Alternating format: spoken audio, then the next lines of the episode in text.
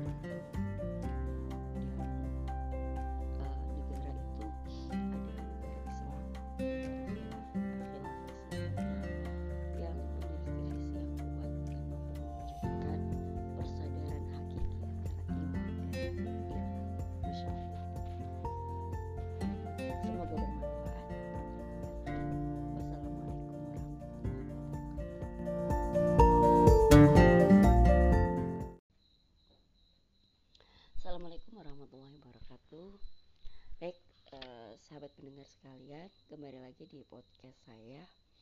Dan pada kesempatan hari ini Siang ini, pagi ini, malam ini ya Ini sudah jauh malam sebenarnya. Saya ingin cerita lagi tentang Atau berbagi inspirasi tentang ilmu. Dan saya ingin angkat satu uh, Pembahasan Dari sebuah buku Yaitu dari buku uh, seorang cendekiawan Muslim Indonesia yang saat ini sudah bergelar profesor dan buku ini buku lama ya. Uh, pada saat itu beliau masih bergelar dokter. Namanya siapa? Yaitu uh, Bapak Dr. Fahmi Amhar. Kalau saat ini sudah bergelar sebagai Profesor Fahmi Amhar. Dan beliau, beliau punya buku yang sangat fenomenal. Ini kecil sekali tapi sangat padat bergizi isinya mampu membuka cakrawala berpikir kita tentang peradaban Islam khususnya peradaban sains dan teknologinya uh, yang berjudul uh, eh, TSQ Stories 50 kisah penelitian dan pengembangan sains dan teknologi di masa peradaban Islam dan ada satu chapter menarik ya berkaitan dengan challenge yang saya hadapi saat ini ya itu berkaitan dengan ilmu jadi saya ingin sedikit uh, berbagi inspirasi dengan kita semua. Satu chapternya berjudul Pencari Ilmu, Pencari Tuhan. Ya, uh, dari pembahasan ini kita bisa melihat bahwa ternyata negara itu memiliki peran yang besar dalam mendrive sebuah dunia pendidikan yang berisi orang-orang yang haus dengan ilmu untuk meniat meningkatkan level pencarian visi mereka. Jadi bagaimana para penuntut ilmu itu diarahkan bukan hanya sekedar untuk kepuasan intelektual mereka, kepuasan akal mereka, hanya sekedar untuk menjawab teka-teki yang ada dalam benak mereka, tapi uh, mendrive para penuntut ilmu itu agar mereka mencari ilmu dalam rangka untuk lebih dekat lagi kepada robnya kepada Tuhan mereka. Sehingga ilmu nuansa pencarian ilmu itu benar-benar terasa gitu ya nah, dan ini adalah uh, hal yang memang benar ya uh, dalam tradisi keilmuan Islam yang mana ilmu itu saudara kembar dengan iman. Nah, maka kita bisa melihat apa sih landasannya mengapa uh, Islam menjadikan ilmu itu sebagai saudara kembar dengan iman dan bagaimana negara yang memiliki visi yang jelas yang bisa mem mengeratkan hal tersebut, mewujudkan hal tersebut. Nah, kita bisa mendapati bahwa uh, secara dalil syar'i ya di dalam Islam itu telah mewajibkan setiap muslim baik laki-laki maupun perempuan memiliki fardu memiliki kewajiban maksud saya fardu ain untuk menuntut ilmu ini yang di uh, apa disabdakan oleh Rasulullah Sallallahu Alaihi Wasallam oleh dengan karena itu maka mencari ilmu adalah bagian dari ibadah ya. Juga uh, dalil lain yang kita uh, lihat ya kejarlah ilmu sejak dari buayan hingga ke liang lahat. Sehingga di sini bisa kita lihat bahwa seseorang yang mencari ilmu itu tidak akan pernah habis masanya. Mereka tidak akan berpuas diri dengan mendapatkan gelar akademik tertinggi yaitu strata 3 atau S3 atau bahkan ketika mereka mendapat gelar profesor sekalipun maka pencarian mereka terhadap ilmu tidak akan pernah berhenti. Sebab ilmu ibaratnya sebagai sebuah kebutuhan Eh, bukan lagi sekedar sebagai uh, sampingan untuk mengisi waktu tapi dia adalah bagian dari kebutuhan hidup yang mana dalam setiap harinya diharapkan ada ilmu yang bertambah. Dan juga kita lihat bahwa Rasulullah Shallallahu Alaihi Wasallam juga e, menekankan bahwa barang siapa yang mencari ilmu maka sesungguhnya dia sedang mencari Tuhannya. Dan ternyata mempelajari ilmu itu bisa maaf seperti puasa mengajarkan ilmu bisa bernilai seperti sholat dan barang siapa mati dalam keadaan mencari ilmu dia sama seperti dalam uh, mati syahid dalam jihad visabilillah. Maka para pencari ilmu itu, itu akan memperdalam pengenalan diri mereka kepada Robnya dan semua ilmu itu berasal dari Allah Subhanahu wa taala dan ditujukan hanya kepada Allah Subhanahu wa taala. Maka kejarlah ilmu dari sumber mana pun. Terimalah ilmu sekalipun dari lisan seorang musyrik. Nah, maka motivasi inilah yang menyebabkan pada masa dulu bangsa-bangsa bangsa Arab itu tiba-tiba menjadi ilmu mania atau orang bangsa yang nomor satu di dunia dalam mencari ilmu. Uh, dan pada saat yang sama, pada saat itu bangsa Barat justru terjebak dalam kurungan kegelapan atau the dark age dan menganggap kebenaran hanya ada di kitab suci. Sedangkan para, uh, pendapat para ilmuwan uh, itu dianggap sebagai sumber kesesatan, ya dan mereka tidak mengakui itu. Namun sebaliknya kaum muslimin justru melihat bahwa Al-Quran adalah pedoman hidup, sedangkan ilmu-ilmu kehidupan seperti sains dan teknologi adalah sesuatu yang wajib dipelajari dari mana saja. Walaupun itu dari negeri yang asing bagi mereka. Bahkan sampai ke Cina sana.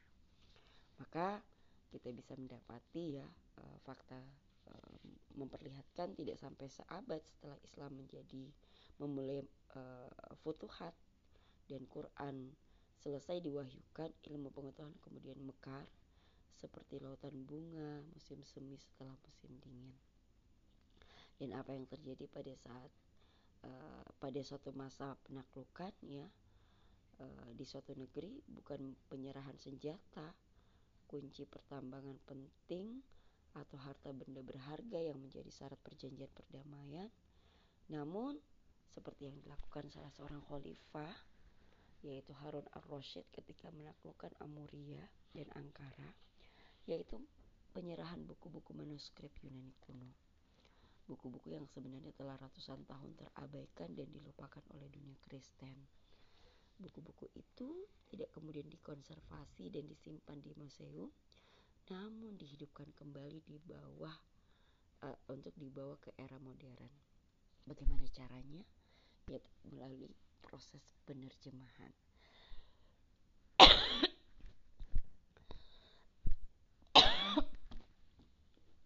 Ya, selanjutnya buku-buku itu tidak diterjemahkan ke bahasa yang hanya dikuasai segelintir kaum elit.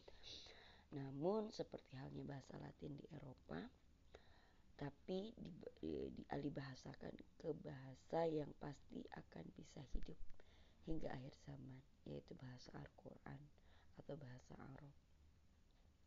Dan setiap muslim diwajibkan untuk mempelajari Al-Quran. Jadi setiap muslim juga wajib dapat membaca dan mengerti tulisan Arab. Maka dengan menerjemahkan buku-buku tersebut, buku-buku ilmu, sains dan teknologi dan buku-buku asing ke dalam bahasa Arab, maka itu berarti membuka akses ilmu bagi semua orang dan kesuksesan pekerjaan penerjemahan itu tidak sedikit pun dibawa ke kesuksesan pekerjaan pengumpulan buku. Dan Harun al-Rashid memerintahkan untuk mendatangkan para pakar segala bahasa ke istana. Mereka bekerja di bawah koordinasi Yahya bin Masawi menerjemahkan segala buku ilmiah yang bisa diperoleh dari mana pun hingga saat itu. Bahkan untuk memperbanyak tim penerjemahan, sang khalifah mendiri, mendirikan salah satu khalifah ya yaitu Khalifah Al-Ma'mun mendirikan akademi penerjemahan. Masya Allah.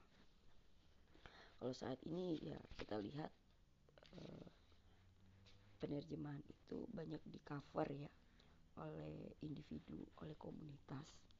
Uh, namun ternyata oleh negara pada saat itu khilafah Islamiyah itu benar-benar serius dalam proses transfer ilmu pengetahuan ini dengan mendirikan akademi penerjemahan itu era tahun berapa ya?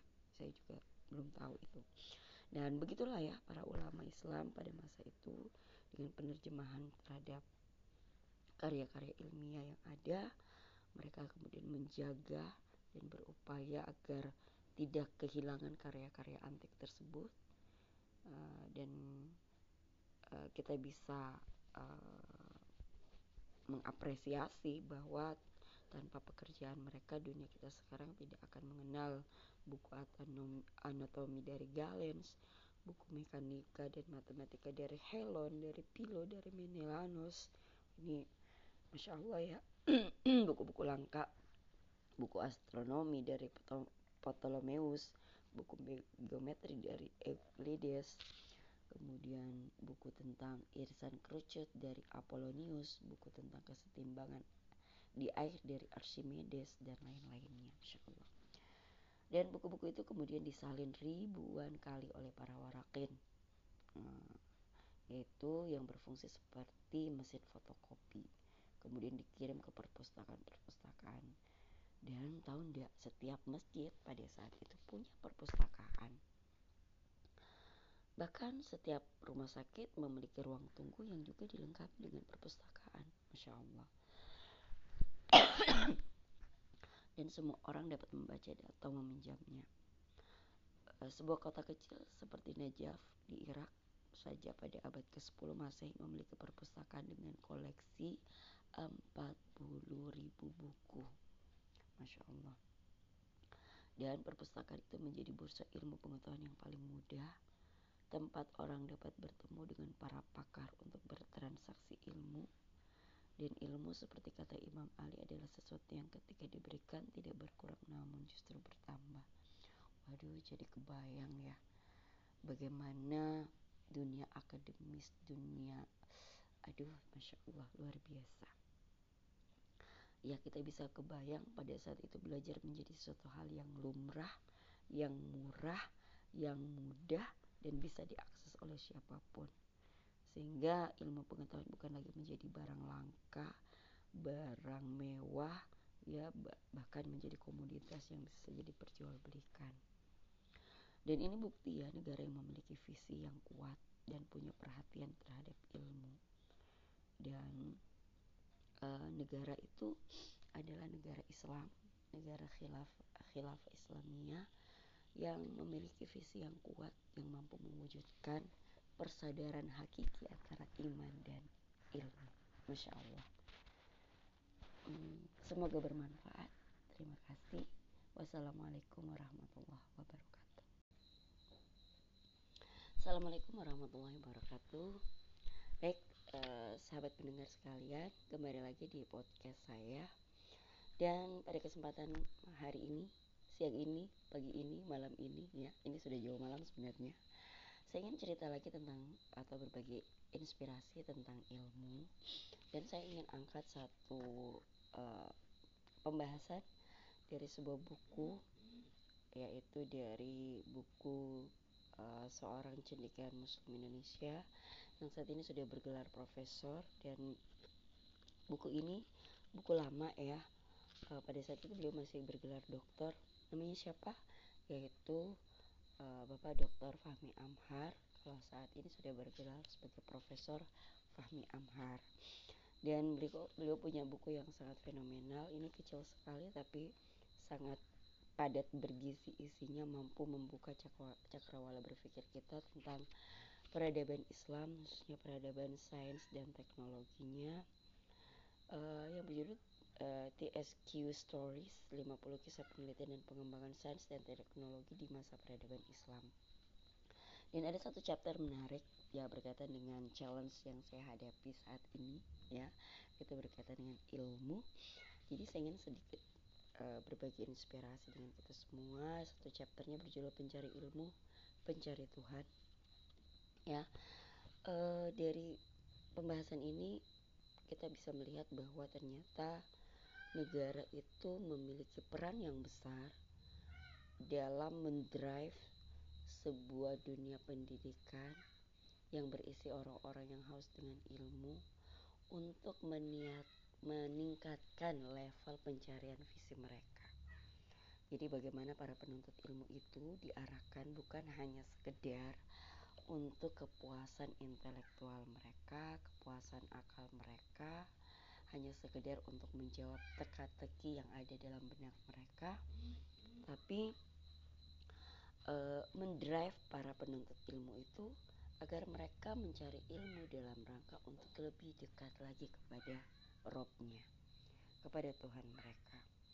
Sehingga ilmu, nuansa pencarian ilmu itu benar-benar terasa gitu ya. Nah, dan ini adalah uh, hal yang memang benar ya uh, dalam tradisi keilmuan Islam yang mana ilmu itu saudara kembar dengan iman.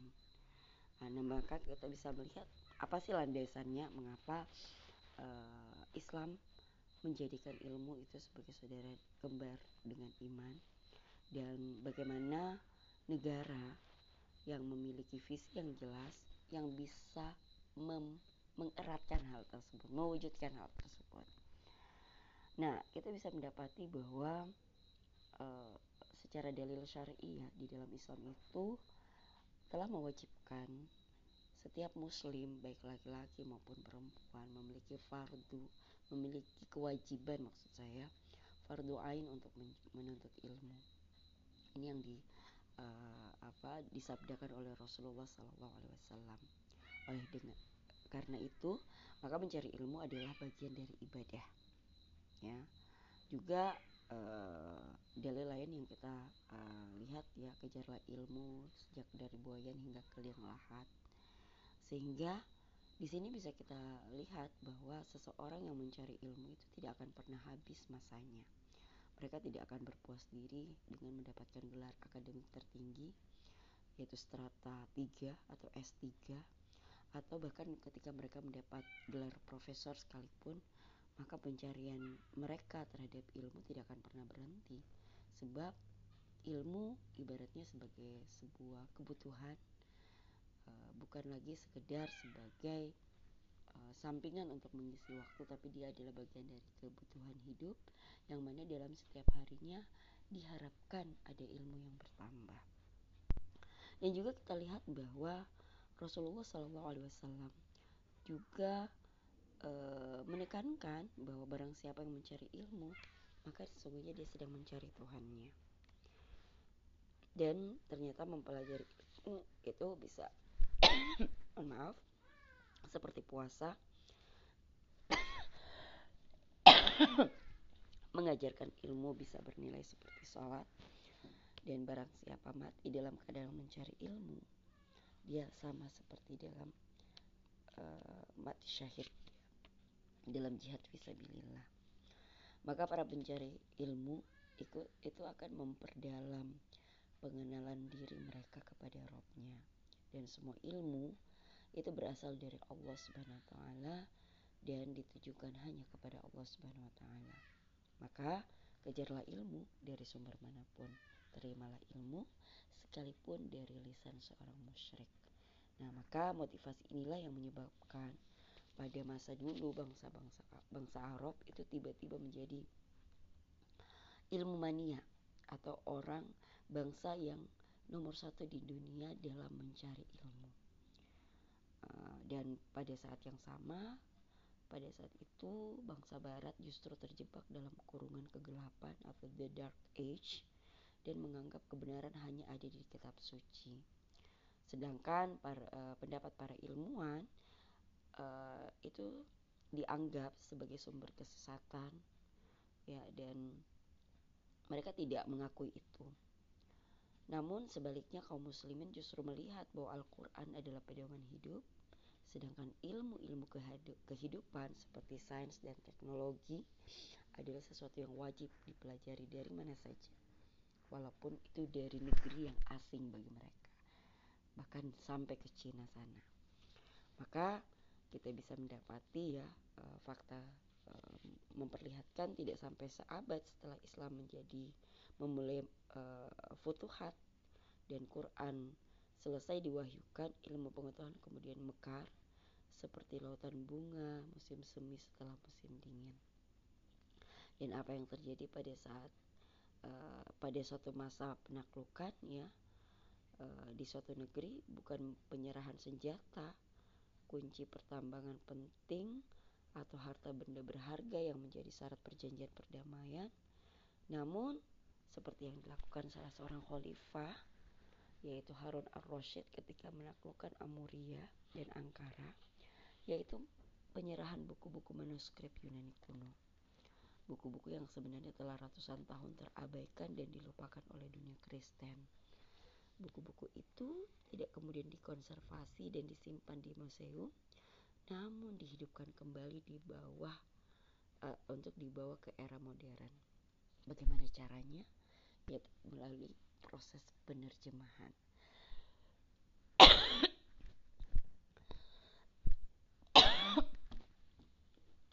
ya selanjutnya buku-buku itu tidak diterjemahkan ke bahasa yang hanya dikuasai segelintir kaum elit namun seperti halnya bahasa Latin di Eropa tapi di, dialih bahasakan ke bahasa yang pasti akan bisa hidup hingga akhir zaman yaitu bahasa Al-Quran atau bahasa Arab dan setiap muslim diwajibkan untuk mempelajari Al-Quran jadi setiap muslim juga wajib dapat membaca dan mengerti tulisan Arab. Maka dengan menerjemahkan buku-buku tersebut, buku-buku ilmu, sains dan teknologi dan buku-buku asing ke dalam bahasa Arab, maka itu berarti membuka akses ilmu bagi semua orang. Dan kesuksesan pekerjaan penerjemahan itu tidak sedikit pun dibawa ke kesuksesan pekerjaan pengumpulan buku dan Harun al-Rashid memerintahkan untuk mendatangkan para pakar segala bahasa ke istana. Mereka bekerja di bawah koordinasi Yahya bin Masawi menerjemahkan segala buku ilmiah yang bisa diperoleh dari mana pun hingga saat itu. Bahkan untuk memperbanyak tim penerjemahan, sang khalifah mendiri, mendirikan salah satu khalifah ya, yaitu Khalifah Al-Ma'mun mendirikan akademi penerjemahan. Masya Allah. Kalau saat ini ya kita lihat uh, penerjemahan itu banyak di cover ya oleh individu, oleh komunitas. Uh, namun ternyata oleh negara pada saat itu khilafah Islamiyah itu benar-benar serius dalam proses transfer ilmu pengetahuan ini dengan mendirikan akademi penerjemahan itu era tahun berapa ya saya juga belum tahu itu dan begitulah ya para ulama Islam pada masa itu dengan penerjemahan terhadap karya-karya ilmiah yang ada mereka kemudian menjaga dan berupaya agar tidak kehilangan karya-karya antik tersebut uh, dan uh, kita bisa uh, mengapresiasi bahwa tanpa pekerjaan mereka dunia kita sekarang tidak akan mengenal buku anatomi dari Galens, buku mekanika dan matematika dari Helon, dari Pilo, dari Menelanos. Ini Masya Allah ya, buku-buku langka, buku astronomi dari Ptolemeus, buku geometri dari Euclides, kemudian buku tentang irisan kerucut dari Apollonius, buku tentang kesetimbangan di air dari Archimedes dan lain-lainnya Masya Allah dan buku-buku itu kemudian disalin ribuan kali oleh para warakin hmm, yaitu yang berfungsi seperti mesin fotokopi kemudian dikirim ke perpustakaan-perpustakaan dan tahu tidak setiap masjid pada saat itu punya perpustakaan. Bahkan setiap rumah sakit memiliki ruang tunggu yang juga dilengkapi dengan perpustakaan. Masya Allah. Dan semua orang dapat membaca atau meminjamnya. Eh, sebuah kota kecil seperti Najaf di Irak saja pada abad ke-10 Masehi memiliki perpustakaan dengan koleksi 40 ribu buku. Masya Allah. Dan perpustakaan itu menjadi bursa ilmu pengetahuan yang paling mudah, tempat orang dapat bertemu dengan para pakar untuk bertransaksi ilmu dan ilmu seperti kata Imam Ali adalah sesuatu yang ketika diberikan tidak berkurang namun justru bertambah. Waduh, jadi kebayang ya bagaimana dunia akademis, dunia aduh, masya Allah luar biasa. Ya kita bisa kebayang pada saat itu belajar menjadi suatu hal yang lumrah, yang murah, yang mudah dan bisa diakses oleh siapa pun sehingga ilmu pengetahuan bukan lagi menjadi barang langka, barang mewah, ya bahkan menjadi komoditas yang bisa saja diperjualbelikan. Dan ini bukti ya negara yang memiliki visi yang kuat dan punya perhatian terhadap ilmu dan uh, negara itu adalah negara Islam negara khilaf khilaf Islamiyah yang memiliki visi yang kuat yang mampu mewujudkan persadaran hakiki antara iman dan ilmu. Masya Allah. Hmm, semoga bermanfaat. Terima kasih. Wassalamualaikum warahmatullahi